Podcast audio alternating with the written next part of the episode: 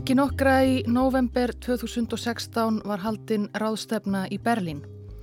Það fóru ekki mikið fyrir þessari ráðstefnu í þýskum fjölmiðlum en það svo sem kannski ekki ástæða til. Hlustendur geta rétt ímyndað sér hvers margar ráðstefnur af ýmsu tægi hljóta að fara fram um hverja helgi, já á hverjum degi í Stórborg á borðu Berlín. Gestir á þessari tilteknu ráðstefnu voru þó örlítið óanægðir með að pressan hafi ekki gefið samkundu þeirra nokkurn gaum því þeir telja málefnið sem rætt var á þessari tíðu ráðstefnu mjög mikilvægt og nokkuð sem lengst af hefur verið reynd að gera lítið úr ef ekki reynlega þakka niður. Ráðstefnu gestir komu víða að en ekki síst voru þeir frá Namibíu í Suðvestur Afríku og málefnið sem var til umræðu var einn svartasti bletturinn í sögu landsins. Þegar á fyrstu árum 20. aldar þýskir nýlendu herrar á landsvæðinu sem síðar varð Namibíja réðust af fullum þunga að hyrðingja þjóð einni sem hafði lítið sem ekkert gert þeim og hafði áhuga á því einu að hafa aðgangað beitilandi sínu. Tökþúsundum var útrýmt miskunarlaust af þýskum hermönum Í mist voru hinnir saklausu hyrðingjar látnir vestlast upp í brennheitri eðimörk eða þeim var þrælað til dauða í fangabúðum og allt var þetta gert af ásettur áði og þöl skipulagt af þjóðverjunum. Gjarnan talið fyrsta þjóðarmorð 20. aldar og löngu áður en þjóðverja ráttu eftir að beita gýðinga í Evrópu svipuðu ofbeldi og grimd.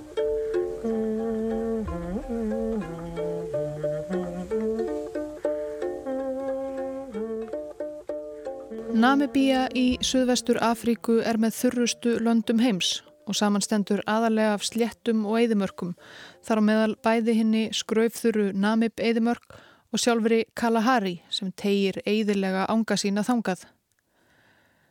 Hér að eitt í Namibíu heitir Damaraland. Um aldir hafa sléttur Damaralands verið heimahagar hyrðingjathjóðar sem nefnir sig Hereróa Þeir búa víðar, bæði í Namibíu og í því landi sem nú er Botswana, en þeir eru fjölmennir í Damarlandi og hafa verið þar lengi, sem sé.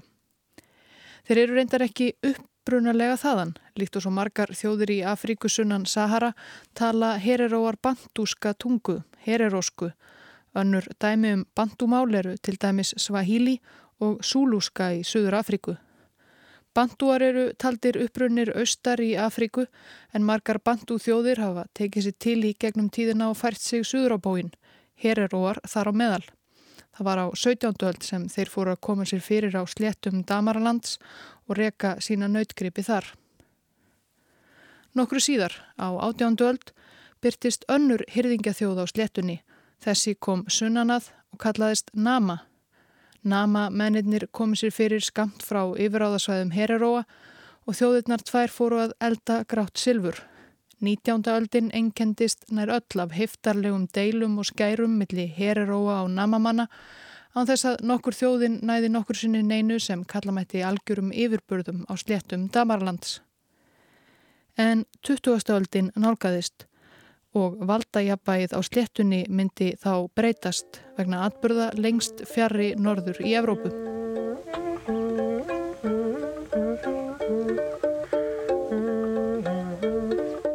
Um þær myndir sem heriróar og namamenn áttu í sínu stappi á sléttum Damaralands voru stórveldi Evrópu að huga æg meira að landvinningum á fjarlægum slóðum, að koma sér upp nýlendum í Afríku og Asíu og víðar. Þjóð var ekki þjóð meðal þjóða í Evrópu nema á nætti eins og nokkrar nýlendur hér og þar um heiminn. Einn þjóð var þó nokkuð lengi að koma sér af stað út í nýlendubransan. Það voru sjálfur þjóðverjar. Langt fram eftir 19. öld voru Þísku ríkin of upptekinn við innaríkismál sín til að hugað nýlendubröldi á fjarlægum slóðum. En það var Þískaland lengst af klófið í mörg smáríki og sjálfum sér sundurþykk. Þegar sameinað Þískaland sprattloks fram á sjónarsviðið 1871 voru brettar og frakkar og fleiri Evrópuþjóðir löngu byrjaðar að afla sér nýra þegna aðalega í Asíu. Kaplöpið um Afríku hófst ekki af fullri alvöru fyrir nokkrum árum síðar. Fram að því höfðu Evrópuþjóðirnar átt ímsar bækistöðvar á Afríkuströndum en ekki gert svo mikið af því að kasta eignsinni á víðáttu miklar lendur þar siðra. Það er nefnilega miskilningur sem ímsir halda að Evrópumenn hafi strax í kjölfar landaföndatímansum og upp úr 1500 byrjað að kasta eignsinni á miklar nýlendurum víða veröld. Svo var ekki raunin nema hvað varðar Ameríkunar tvær og svo fóru brettar að graðka í sig Indland á átjönduöld. Afrika var hins vegar að mestu látin í friði. En nú, loksins upp úr 1880 var loks komið að því ákváðu Evrópumenn tími til komin að skipta Afríku upp millir evrósku stórveldana og þjóðverjar með sitt ný sameinaða þíska keisaradæmi töldu sig nú vera orna nógu mikla bóa til að þeir þyrst ekki lengur að vera útundan. Augu þískra þjóðverðni sinna sem fram að þessu höfðu einblínt á sameiningu þísku ríkjana gáttu nú kvarlað annað. Því varð úr að Bismarck Þískalands kanslari kallaði til fundar helstu ríkja Evrópu árið 1884 til að ákveða í eitt skipti fyrir öll stefnu þeirra gagvart myrku álfunni Afríku í suðri. Í þá daga töldu Evrópumenn þetta framferði í alla staði eðlilegt og sjálfsagt en í raun var þetta sjálfsögðu fáránlegur yfirgangur gagvart þeim ótal þjóðum og um 100 miljón manns sem þá byggu í Afríku. Í reynd settust stjórnmálamenn og diplomatar niður í kanslarahöllinni í Berlín fyrir framann stort kort af Afriku og skiptu álfunni á milli sín eftir duttlungum sínum og henduleikum. Engin einasta ákverðun var borin undir Afrikubúa sjálfa. Þó svo að Bismarck Þýskalands kanslari hafi til fundarins voru það brettar og frakkar sem fengu bróðurpart álfunnar í sínar hendur í krafti yfirbörða sinna síðustu áratugir og aldir. Einn ákavasti áhuga maðurinn um landvinninga í Afríku, Leopold Annar belgakonungur, fekk svo gríðarstort landsvæði í miðju álfunar, Kongo. Bara hann persónlega, ekki belgiska ríkið sem deildi ekki þessum ofur áhuga hans. En það er önnur og ekki síður sorgleg saga. Þjóðverjar þurftu allavega ekki að snúa tómhendir og nýpnir heim heldur. Í hlut þeirra fjallu fjórar nýlendur dreifðar um álfuna Kamerún og Tógóland í Vestur Afríku, Þíska Austur Afríka þar sem nú eru löndin Tansania, Ruanda og Burundi og loks Þíska Suðvestur Afríka þar sem nú heitir Namibíja. Það var þessi síðastnemda nýlenda sem átti eftir að valda þjóðverjum hvað mestum höfuðverk. Þíska Suðvestur Afríka var næstum tvísvarsinnum stærri en Þískaland sjálft. Að mestu leiti Eidimörg en einhverja síður bjóð þar fyrir fjöldi þjóða sem flestar höfðu lítinn áhuga á að gerast þegnar einhvers Þýskalands keisara sem þær hafðu aldrei hirtum, hvað þá meira. En Þýsku nýlenduherrarnir hafðu svo sem ekki heldur mikinn áhuga á því hvað þjóðunum sem byggu í henni nýju Þýsku Suðvestur Afríku fannst um eitnin eitt. Þeir hófust handa við að grafa í jörðu viðsvegarum nýlenduna stóru og komust fljóta því að þar var ímsa fjársjóði að finna kopar, platínu, gull og demanta. Land innfættra var tekið tröstataki svo hægt væri að nema þessi auðæfi úr jörðu. Innfættir hafðu engan rétt á því að malda í móin. Í henni nýju Þísku Suðvestur Afríku gildu tvöföld lög, einn fyrir þjóðverja og önnur fyrir innfætta. Með þetta fyrirkomulag voru innfættir ekki sérstaklega ánaðir og allt frá fyrstu stundu Enkendust yfir á þjóðverja í Suðvestur Afríku af uppsteitt innfættra, mótmælum og óerðum og ólgu.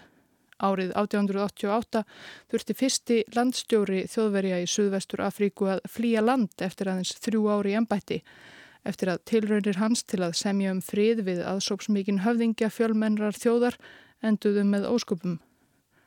Landstjóri þessi hétt Ernst Henrik Göring og átti fimm árum síðar eftir að eignast són sem átti sömu leiðis eins og pabbi gamli eftir að láta til sín taka á svipuðum vettfangi í framtíðinni því sónurinn var nazistafóringin Hermann Göring.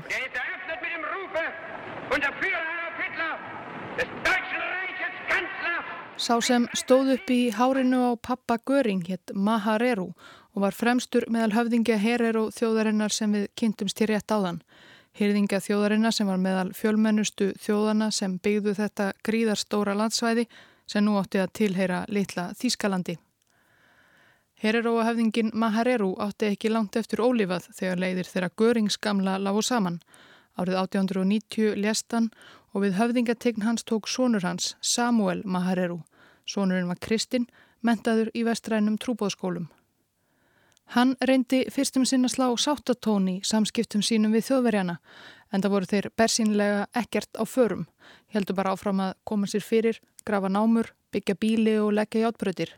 Þískar hersveitir voru sendar til nýlendunar og með þeim kom fjöldi landnema sem allir vonuðust eftir gulli og grænum skóum. Gull var vissulega að finna þó það væri reyndar minna um grænu skóana. En aðalega fengust þýsku landnematnir þó við búskap. Innfættir voru sviftir beitilöndum sínum svo þýskir landnemar getu sestar að. Eins og til að láta knjafylgja kviði tóku landnematnir oft nautgripina líka og skindilega þurftu innfættir að borga skatt og fara eftir öllum mögulegum lögum og reglum sem kvítamanninum þóknaðist að setja, ellegar eiga yfir hafði sér margvíslega refsingar eins og að verða barinn til dauða. Nýlendu herratnir báru enga virðingu fyrir innfættum, gorki fyrir eignum þeirra, nýja lífi og limum. Í mörgum tilvikum beinlinis kvöttu nýlendu yfirvöld landnema til þess að neppa innfætta í nauðungarvinnu og þrælahald. Akkur ekki, þýsku landnematnir sem og yfirbúðararnir, þeir voru jú flestir á einu máli um að þeir sem þjóðverjar og evrópumenn væru á einhvern hátt æðri þessum svertingum sem hafðu búið í landinu í þúsundur ára og ekkert við það að aðtuga að fara með þá eins og skefnur.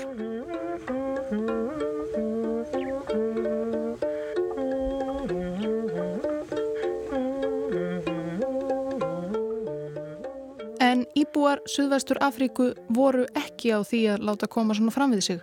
Samuel Mahareru, hinn nýji höfðingi Hereroa, gafst fljótt upp á að reyna að búa í sátt og samlindi við þjóðverjana sem urðu enda bara verri og verri og tóku meira og meira land eftir því sem árin liðu. Og svartnir óvinnir Heriróa, Namaþjóðin, hún hafi líka fengið að kenna á nýlenduherrunum og upp voru aldamótum 1900 hafi hún sömu leiðis fengið nóg. Höfðingi eða konungur namamanna á þessum tíma var öldungur sem hétt því evróska nafni Hendrik Wheatboy en landar hans kolluð hann líka höfðingjan sem hverfur í grasinu vegna frækni hans í skæruhernaði. Skæruhernaðalist Hendriks Vítbói hafi meðal annars beinst gegn hermönnum og hyrðingjum heraróa undan farin ára og áratugji í stöðugum skærum þessar svörnu ofina en loks var ástandið orðið svo slæmt, yfirgangur þjóðverjana og arðrán orðið svo óþólandi að þeir ákvaðu að taka höndum saman og streytast á móti, grípa til vopna. Það voru reyndar hereróar sem voru fyrstir til og tóku af skarið. Fjendur þeirra namamenn gengu til liðsvið uppreysn þeirra síðar. Það var í janúar 1904 sem uppreysn hereróa hófst. Þjóðin hafði þá þegar mist fjörðung landsins í hendur landnema og nú voru uppi hugmyndir meðal þjóðverja um að koma hereróum fyrir í einhvers konar friðlandi að bandarískri fyrirmynd eins og gert var við frumbyggja bandaríkjana allt svo svo hægt væri að leggja hjártbrödd í gegnum það sem eftir var af yfiráðasvæði þeirra. Nei, sögðu herrarúar, nú er nóg komið. Uppreist þeirra hófst á árásum á landnumabæi. Uppreistnamennir drápu yfirleitt bóndan og brendu bæin til grunna. Samuel Mahareru sór þess þó eigðað menn hans myndu ekki skada konur og börn. Þeim var leift að flýja til næstu landnumabygða Mahareru tók einnig skýrt fram að uppreysnin beindist einungis gegn þjóðverjum. Aðrir kvítir mennlíkt og englendingar og búar erðu látnir í friði og sömuleiðis trúbóðar. Þrátt fyrir yfirburði í vopnabúnaði og hernartækni gegn þjóðverjum erfiðlega að halda uppreysninni í skefjum. Þýsku hersveitirnar sem gæta áttu laga og reglu í nýlendunni voru vissulega betur útbúnar en þær voru fámennar og hereróar voru engir aukvisar þegar komað hernaði. Þeir þekktu vígvöllin eins og handabakið á sér og voru, líkt og óvinna þjóð þeirra namamenn, slingir í skæruhernaði að láta sig hverfa inn í grasið. Og vorið 1904, þegar uppreysnamönnum Hereróa hafi tekist að slátra á annað hundrað landnemum, var nýlendu yfirvöldum ljóst að kalla þyrti á aðstóð frá gamla landinu. Í neyðarskeiti til Berlínar fóru nýlendu yfirvöldi í Þýsku Suðvestur Afríku fram á að fá aukin liðsabla hið snarasta til að kveða niður uppreysnina sem og reyndan og tröstan herfóringja til að leiða aðgerðir.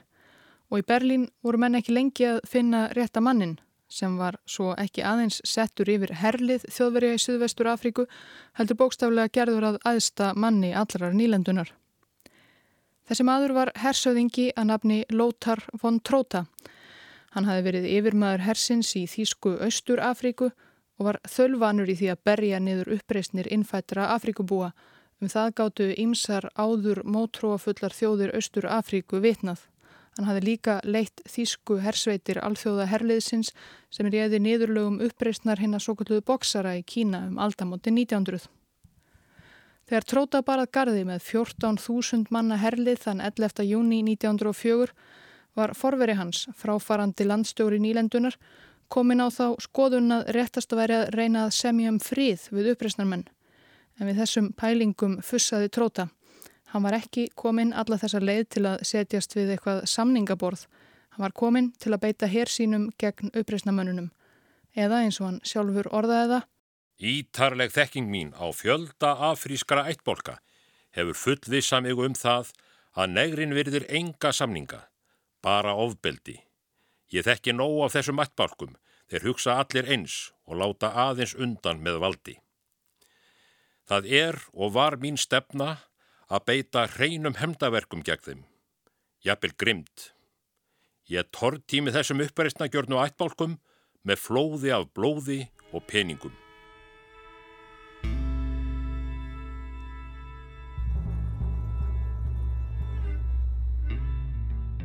Þegar tróta hersuðingi kom til Suðvestur Afríku hafði reyndar lítið sem ekkert dreyið til tíðinda í stríði nýlendu yfirvalda og uppreistnamanna mánuðum saman. Þíska herliðið sem fyrir var hafi dreyið sér tilbaka og heriróatnir sömulegis hætt árásum og skemdarverkum á landnemabæi.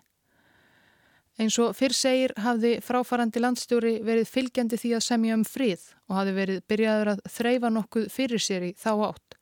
Og heriróatnir voru alls ekki ómóttækilegir fyrir slíku og hafðu reyndar hætt árásum sínum þegar þeir byggust við fleiri tilraunum til að semja frá þjóðverjunum.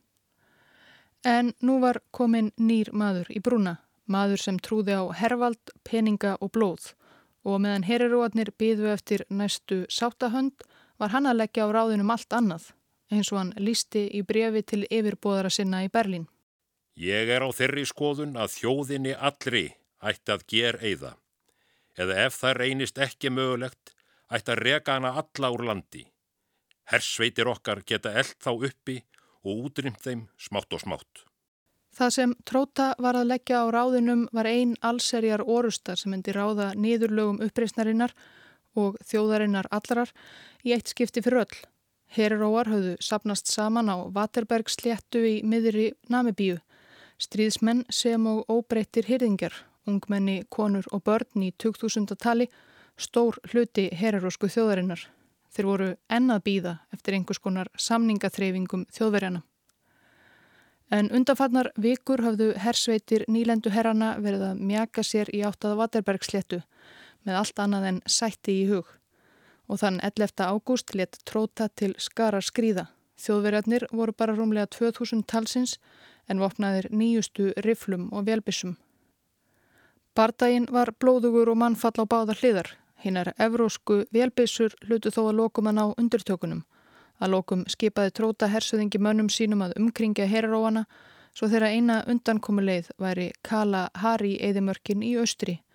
Hererósku stríðsmennir, konur þeirra og börn hafðu mekt að velja nefn að leggja á flóta inn í eðimörkina með þjóðverja á hælunum. Allt samkvæmt áætlun hersuðingjans þýska. Ungur maður að nafni Jan Klóiti, hálfur þjóðveri, hálfur Afrikumadur, fyldi þýsku hermönunum sem tólkur. Hann gaf síðar þennan vittnisspörð.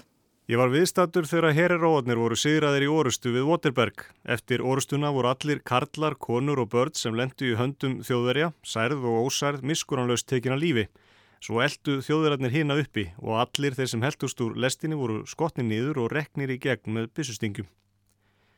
Flestir herróakallana voru óopnaður og gátt ekki streyst á móti. Þeir voru bara reynað að flýja með nautgripina sína. Nokkur spöl í burtu sló við tjaldbúðum við vassból. Einn hermannana fann lítinn dreng, svona nýju mánada sem lág í kjarrinu og grétt. Hann kom með hann í búðirnar og hermennir röðuð sér upp í hring og fór að kasta batninu og milli sína svo bolta. Batni var skjelving og lostið og slasað og grétt hástöðum. Eftir nokkra stund urðu þeir leiðir ásu og einn af hermörunum festi bissustingin á riffilin sinn og saðist myndu grípa badnið. Drengnum var kastað til hans og hann raka hann á hól með stingnum. Drengurinn dó á örfáum mínútum og þessu hlóðu þjóðverðinni dátt eins og þetta var í mikil brandari.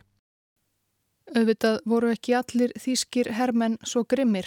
Einn hermaður skrifaði löngu síðar um hljóðin sem ásóttu hann enn. Dauða hryglurinn að deyjandi og ángistar ópina brjáluðu, þau bergmála í kyrð eiliðreinar. Tróta hersöðingi gaf sömuleiðis skipunum að eidilegja skildi eða eitra alla brunna og vassból sem getur orðið á vegi flótafólksins. Umkörfis eidimörkina litan byggja varðturna og hver sá sem reyndi að flýja vasslösa öðnina var skotin. Heriróatnir voru því algjörlega innilokaðir. Næstu vikur vestluðust þúsundir flótamanna upp úr hungri og þorsta. Þegar hermenn fóru í gegnum eidimörkina síðar fundu þeir oft djúpar hólur skamt frá því þar sem líkams leifar herróuna lágu. Í örvæntingu sinni höfðu flótamennir reynd að grafa og grafa eftir vatni allt niður á 13 metra dýpi en yfirleitt án árangurs. Í oktober gaf tróta yfirlýsingu til þeirra herróa sem enn livðu þar sem hann fór ekki lengt með fyrirætlanir sínar. Herróar eru ekki lengur þegnar Þýskalandskeisara. Þeir var drepið og stólið skorið eiru og aðra líkamslut af særðum hermönum okkar og eru nú of mikli heiklar til þess að halda áfram að berjast. Þjóð heriróa verður að yfirgefa landið. Hver herirói innan þýskolandamærana, vopnaður eða óvopnaður, með eða á nautgreipa verður skotinn og ég hlýfi korki konum nýja börnum. Ég fyrirskipa að þau verði rekin í burtu og skotið á þau. Þetta eru skilabóð mín til Heriróa. Tróta ítrekkaði oft við Hermann sína að hann hefði engan áhuga því að hlýfa heriróskum konum eða börnum. Nei, slíkt væri óráð þar sem heriróskar konur getur smitað þýsku hermennina af einhverjum skæðum sjúkdómum. Hann hefur vitað sem var að þýsku hermenninir nöðguðu gerðan ungum heriróa konum og stúlkum áður en þeir ráku þær aftur úti í eðimörkina eða þá skutu þær eða ráku á hól með byssustingum. Og þar að auki, saði Tróta, þá var þetta ekkit venjulegt stríð. Það var kynþáttastríð og markmiðið að útrýma þjóð heraróa í Suðvestur Afríkum.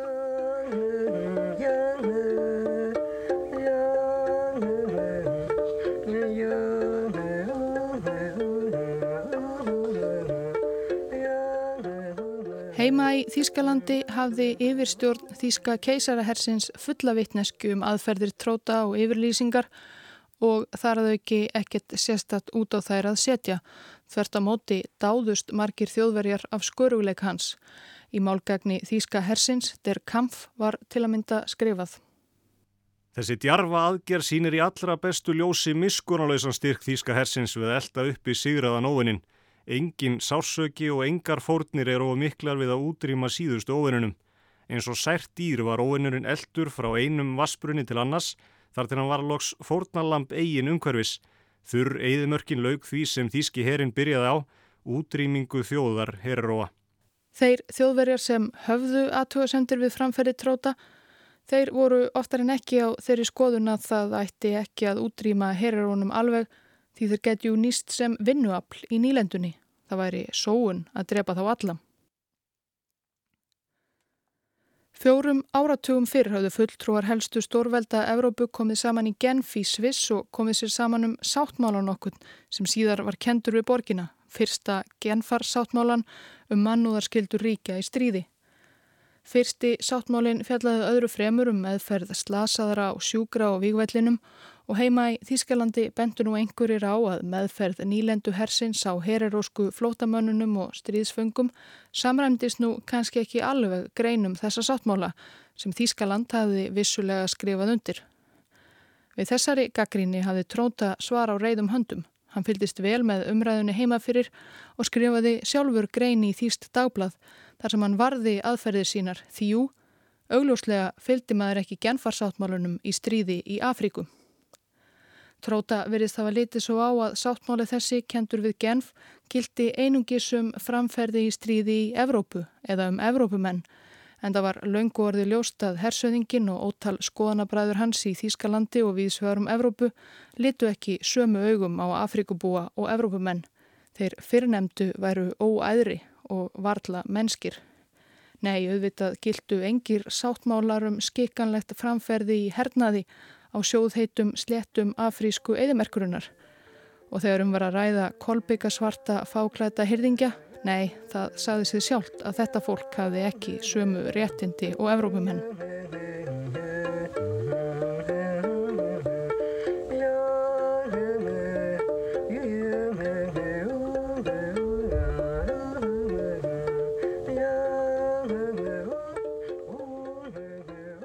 Þeir sem livðu af dauðagönguna í gegnum eðimörkina voru teknir til fanga af þjóðverjum, voru af einhverjum ástæðum ekki skotnir til bana um leið, voru færðið í fangabúðir fjarrri heimahögunum, þar sem aðstæður voru vægasagt ömurlegar. Föngunum var þrælað út og þeir sem ekki gáttu unnið voru látnir vestlast upp. Ekki gerðu þjóðverjarnir neitt til að koma í vekk fyrir það, en það gildi genfarsáttmálinn jú ekki hér, eða hvað. Dánarvottorð fanga voru meira segja prentuð fyrirfram við komu í fangabúðunar svo fyrirsjáanleg voru örlög þeirra og fyrirfram ákveðin. Enda fjallu fangarnir unnverfum úr vannæringu, þreitu og blóðsótt og öðrum sjúkdómum sem geisuðu í óhreinindunum og ömurlegheitunum í búðunum. Fangarnir fengu lítinn sem engan mat fyrir utan örlittla skamta af hráum hrísklónum sem þeir höfðu enga leið til að elda og meðferðin sem fangarnir sættu af hendi þjóðverja var grimmileg. Bretin okkur sem kom í einar af fangabúðunum gaf síðar þennan vitnisspurð.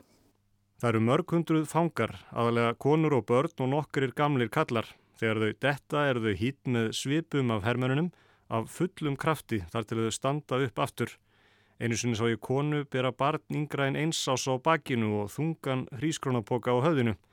Hún datt, herfóringin hýtaðan örglega í meir en fjórar mínútur og hýtti batni líka. Konan bröldi á fætur og helt áfram með hlassi sitt. Hún leti ekki frá sér nokkuð hljóð allan þennan tíma en barnið grét sáran. Og annar bretti sem kom í búðir þjóðverja á henni svo kalluðu hákarla eigu skamt úti fyrir ströndum Namibíu. Kuldi, því næturnar verða oft nýstingskaldar. Hungur, þosti, þurkur, sjúkdómar og brjálaði eruðu fjöldamanns að bana á hverjum degi.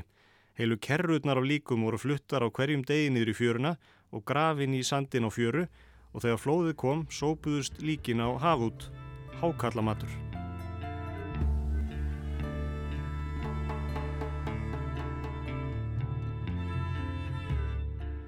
Í fangabúðunum fengu þýskir læknar meðal annars að stunda ímiskonar tilraunir á aðframkonum fengunum, spröyta þá með ímsum efnum og svo framvegis. Einn ungur nýlendulæknir, doktor Eugen Fischer, gerði til dæmis tilraunir með að gera heriróska kvennfanga ófrjóa með ímsum leiðum með það markmiðið að koma í vekk fyrir að þær gætu eignast óæskileg blendingsbörn með þýskum eða evróskum körlum. Eugen þessum Fischer beigð síðan mikill frami heima í Þýskalandi á valdatíð Adolfs Hitler sem kunni vel að meta hugmyndir hans og aðferðafræði og hann var fyrsti forstuðumæður Kaiser Wilhelm stopnunarinnar í Berlín þar sem læknar og vísindamenn stúderuðu síðar líkamsparta úr látnum ásvitsföngum meðal annars og áttu við það náið og gott samstarf við annan doktor, doktor Jósef Mengele. Lærifaðir Mengele var raunar nefandi Fissers. Þá voru um 300 höfuðkúpur úr látnum heraróaföngum sendar til Þýskalands þar sem þýskir spekingar tóku til við að mæla þær á ymsanhátt, nokkuð sem þá þótti fín vísindi og átti að geta gefið til kynna greind eiganda höfuðkúpunar og fleiri eiginleika, ef vitað var markmiðið með mælingunum, að sína fram á yfirburði hins evróska kynstofns í samanburði við blökkumenn. Höfuðkúpunar lendu síðan á ýmsum þýskum söpnum og stopnunum Einungis örfáum hefur síðan verið skilað til Namibíu á allra síðustu árum eftir langa baráttu Namibíumanna og kvíla nú í namibískri jörðu.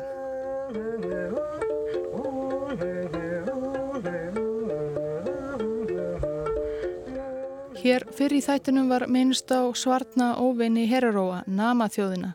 Heraróar og Namamenn höfðu eldað grátt silfur áratugum saman áður en þjóðverðina barað gardi og svo kallt var á milli þessar að tveggja hyrðingathjóða að í upphafi þegar þjóðverjar fóru að ráðast gegn heriróm fyrst fögnuðu margir namamenn og gengu til liðs við þjóðverjana og hjálpuðu þeim að berja á sameinlegum óvinni. En smátt og smátt þegar namamennurðu vitni að þeirri hreinu grimd sem þjóðverjar síndu herraróm blöskraði þeim svo mjög að þeir skiptu um lið, gengu til liðs við uppreysnina gegn þjóðverjum. Þegar tróta hersöðingi fekk fregnir af því var hann ekki lengi að senda namamönnum svipaðan tón og hann sendi herraróm nokkru fyrr. Hver sá namamaður sem ekki gefst upp og sérst á þýsku yfiráðasvæði verður skotinn.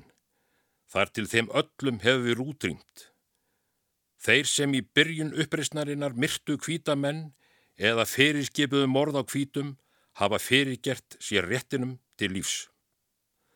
Fyrir þá sem ekki gefast upp, þá fer fyrir þeim eins og fór fyrir heruróum sem heldu í blindni sinni að þeir getu herjað gegn hinnum máttu að keisara Þískanans og hinn er miklu þýsku þjóð. Ég spyr ykkur, hvar eru herróani núna? Namafólkið helt lífi í uppreysninni í tvö ári viðbót með einbeittum skæruhernaði gegn þjóðverjum en þeir fengu líka fljótlega að kenna á sömu grimt og herróanir höfðu fengið að kynnast. Þeir voru hundeldir af þýskum hersveitum og svo stungið í sömu fangabóðir þar sem þeir dóu unnvörpum úr sjúkdómum og hungri.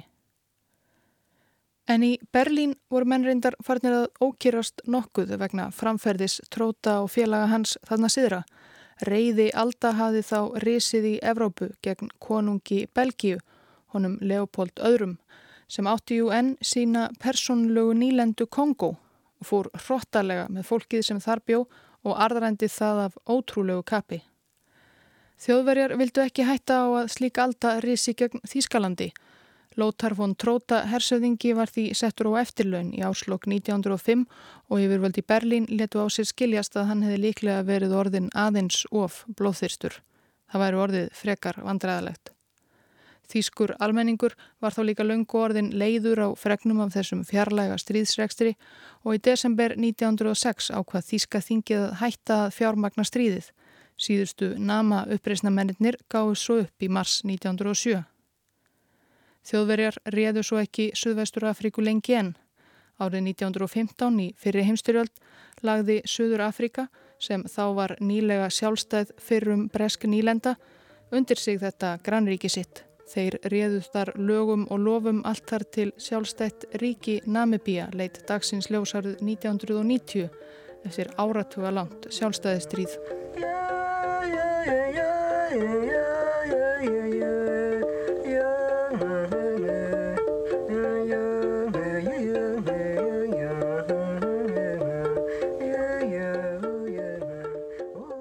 Talið er að uppreysnin og eftirmálar hennar hafi kostað alltaf 80% herarósku þjóðarinnar lífið eða um 80.000 manns og helming namafólksins 10.000 manns. 1365 þýskir hermenn og landnemar letu lífið.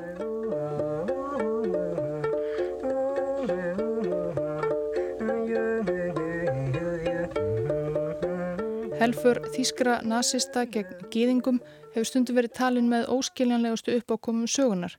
Hvernig gatt staðið á því að mentuð evrósk menningar þjóð tók sér allt í einu fyrir hendur að reyna að myrða heila þjóð.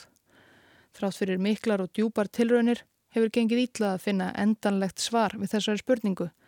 Nánast eins og Ílskan sem greip þjóðverja sem tóku að senda gýðinga í gasklefa af sinni vísindalegu grimd hafi stígið af himnum ofan eða kannski öllu heldur risið upp úr undirdjúpunum. Eða hvað?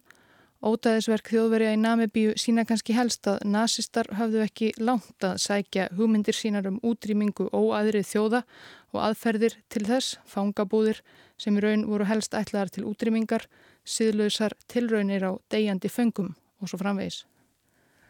Árið 1985 úrskurðuðu saminuðu þjóðurnar að aðgerðir þjóðverja gegn heraróum og namamönnum hefði verið fyrsta þjóðarmorð 20. aldar. Æg síðan hafa namibíum menn og heraróar sér í lagi sóst eftir viðurkenningu þjóðverja á glæpunum en það hefur einst þrautinn þingri. Þróunarmálar á þeirra Þískalands heimsótti Namibíu á 100 ára ammæli orustunar við Waterberg og baðst á í fyrsta sinn afsökunar fyrir hönd Þískalands. I pay tribute in the name of the German government to those brave women and men who fought and suffered so that their children and their children's children could live in freedom. I honor with great respect your ancestors who died fighting against their German oppressors. Og sumarið 2015 notuðu Þísk stjórnvöld í fyrsta sinn orðið þjóðarmorð um glæpi sína, nokkuð sem namibíumenn höfðu lengi krafist. Þáverandi fórseti Þískalands Jóakim Gák vildi að vísu ekki funda með sendinemnd namibíumanna við það tilefni, sendinemnd sem hafi komið sérstaklega til Þískalands til að koma sjónarmiðum sínum á framfæri við aðstu stjórnvöld gömlu herraþjóðarinnar, fíluferð. Samskipti Þískalands og Namibíu síðan hafa verið upp og ofan. Þjóðverjar hafa á síðustu árum skilað flestum þeim beinum og öðrum líkamsleifum Namibíu manna sem lengi voru geimt á þýskum rannsóknarstofum og söpnum til að, að sögn sanna yfirburði hins aríska kynstofns. Þessi bein fá nú loksins að kvíla í fósturjörð sinni. En eitt hefur reynst hagsmunasamtökum heriróa og namamanna erfiðara en að sækja afsökunarbeðinni frá þjóðverjum. Það eru einhvers konar bætur fyrir það gríðarlega tjón sem unnið var á þjóðum landsins á nýlendutímanum. Það hefur reynst ómögulegt að fá fram. Svo langt nær yðrun þjóðverja víst ekki. Vakin er aðtegli á því að Þísk stjórnvöld hafa frá lokum setna stríðsborgað andvirði 20 miljardar dollara til fornarlampa helfararinnar í setni heimstyrjöld. Og landið hefur vissulega borgað einhverja þróunaraðstóð til Namibíu en ekkert sem geti talist bætur fyrir fyrsta þjóðarmorð 20. aldar. Árið 2017 reyndu afkomendur Heriróa og namamanna sem týndu lífi að sækja Þískaland til saka fyrir domstóli í New York. Samkvæmt sérstökum bandarískum lögum má höfða skadabótamál gegn erlendum aðila fyrir þarlendum domstólum. Sá lagabókstafur hefur oft verið notaður í mannrettindamálum. Íbúar á eiginni Búgænvil við Papua Nýju Kínu hafa meðal annars höfðað mál gegn námafyrirtækinu Rio Tinto fyrir að hafa bælt miskunarlöst niður uppreistin eigaskeggja og nýgarjumenn hafa höfðað mál gegn sjálf fyrir ímis mannrettunda broti í tengslum við oljuvinnslu fyrirtækisins við ósa nýgarfljótsins. En það gildir vist eitt um stórfyrirtæki og annað um þjóðríki. Eftir að mál namibíumannana hafði velkst fyrir domstólum New York borgar í tæp tvö ár vísaði dómaræð því frá í mars 2019. En afkomendur Heriróa og Namamanna hafa heitið því að gefast ekki upp. Þar til réttlæti er náð fyrir alla þá sem hurfu.